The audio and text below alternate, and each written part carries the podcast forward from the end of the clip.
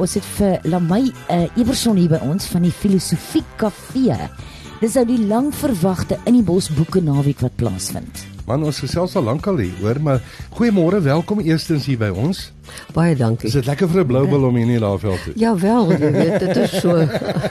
As jy ou dan hier oor die plateau rand ry en jy kyk oor hierdie Laagveld teen, dan is daar 'n groot nostalgie. Is so. Oh, dis 'n ander so. wêreld nie. Ja, nee verseker toe ek nou daar verbykom en ek sien Lego God lê daar so ver en onthou ek uit my kinderjare, so heerlike heerlike herinneringe.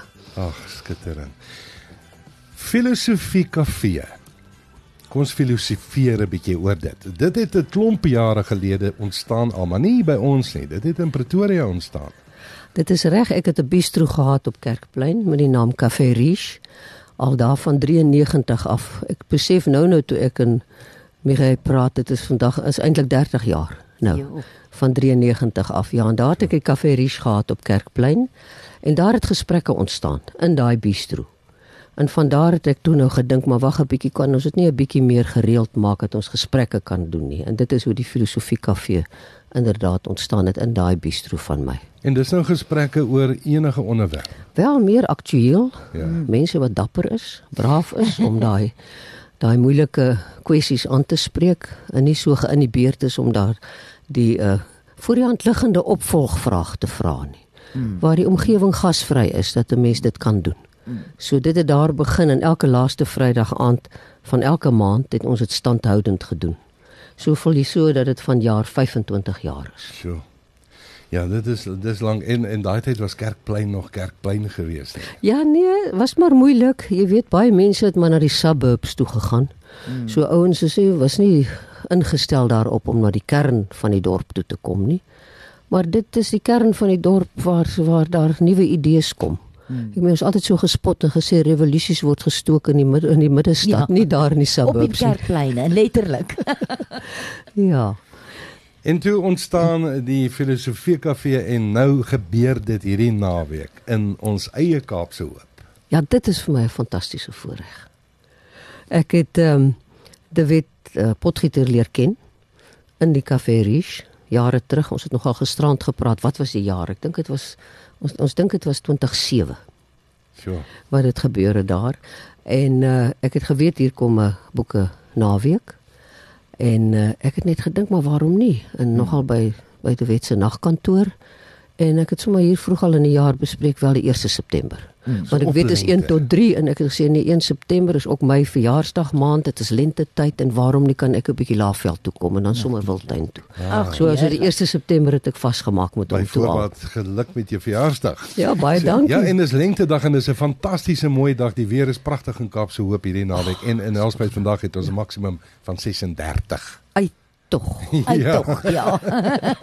so gaan almal vandag sê, uit tog. Ja, nee, verseker. So waarna hulle my waarna kan ons uitsien vanaand by Filosofie Kafee? Wel, die, die uh, vanaand se gesprek, daar is uh, ons doen dit so. Ek nooi 'n spreker.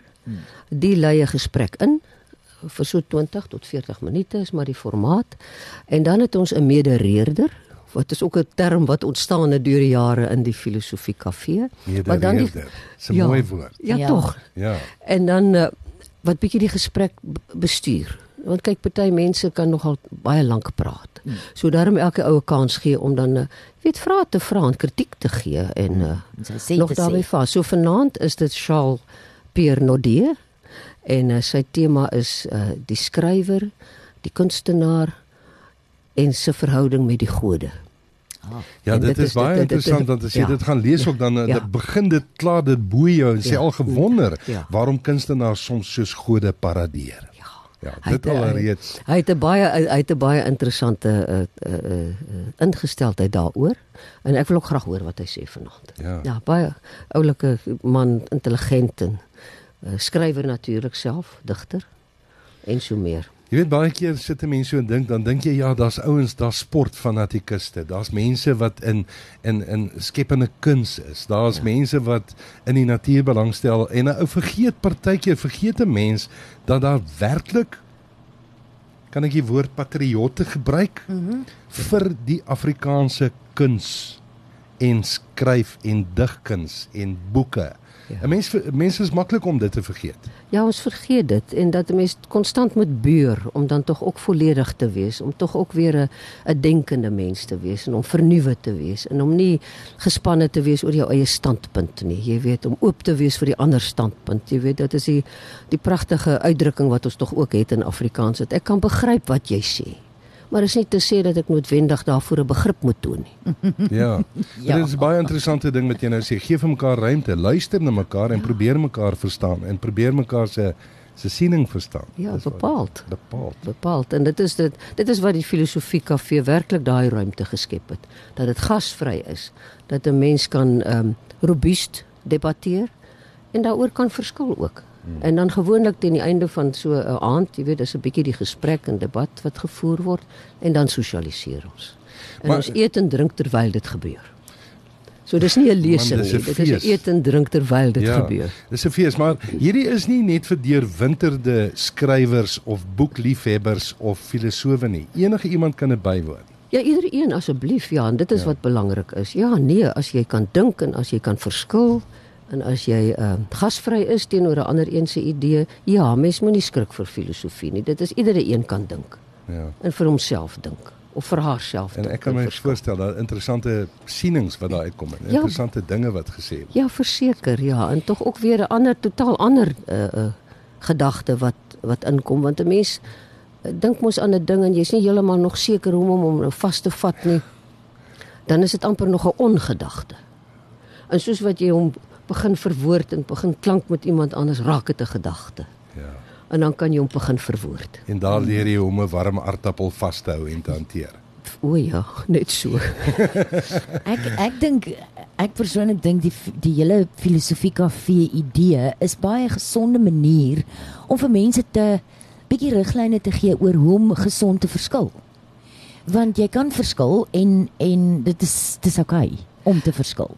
Ja, verseker tog en die uh ding in die gesprek dat 'n mens tog in die sintuiglikheid ook 'n interaksie het. Dit is nie net in 'n op die uh internet waar jy uh, nie die die uh, sintuiglike waarneem nie. So mense kan sien in die gesprek en selfs as dit 'n sterk debat is, kan jy tog sien dat jy iemand miskien 'n bietjie kwes of jou woorde 'n bietjie anders kies en jy weet 'n bietjie versigtiger daarmee omgaan en dan tog ook weer sien wanneer dit neerslag vind in iemand se gedagte.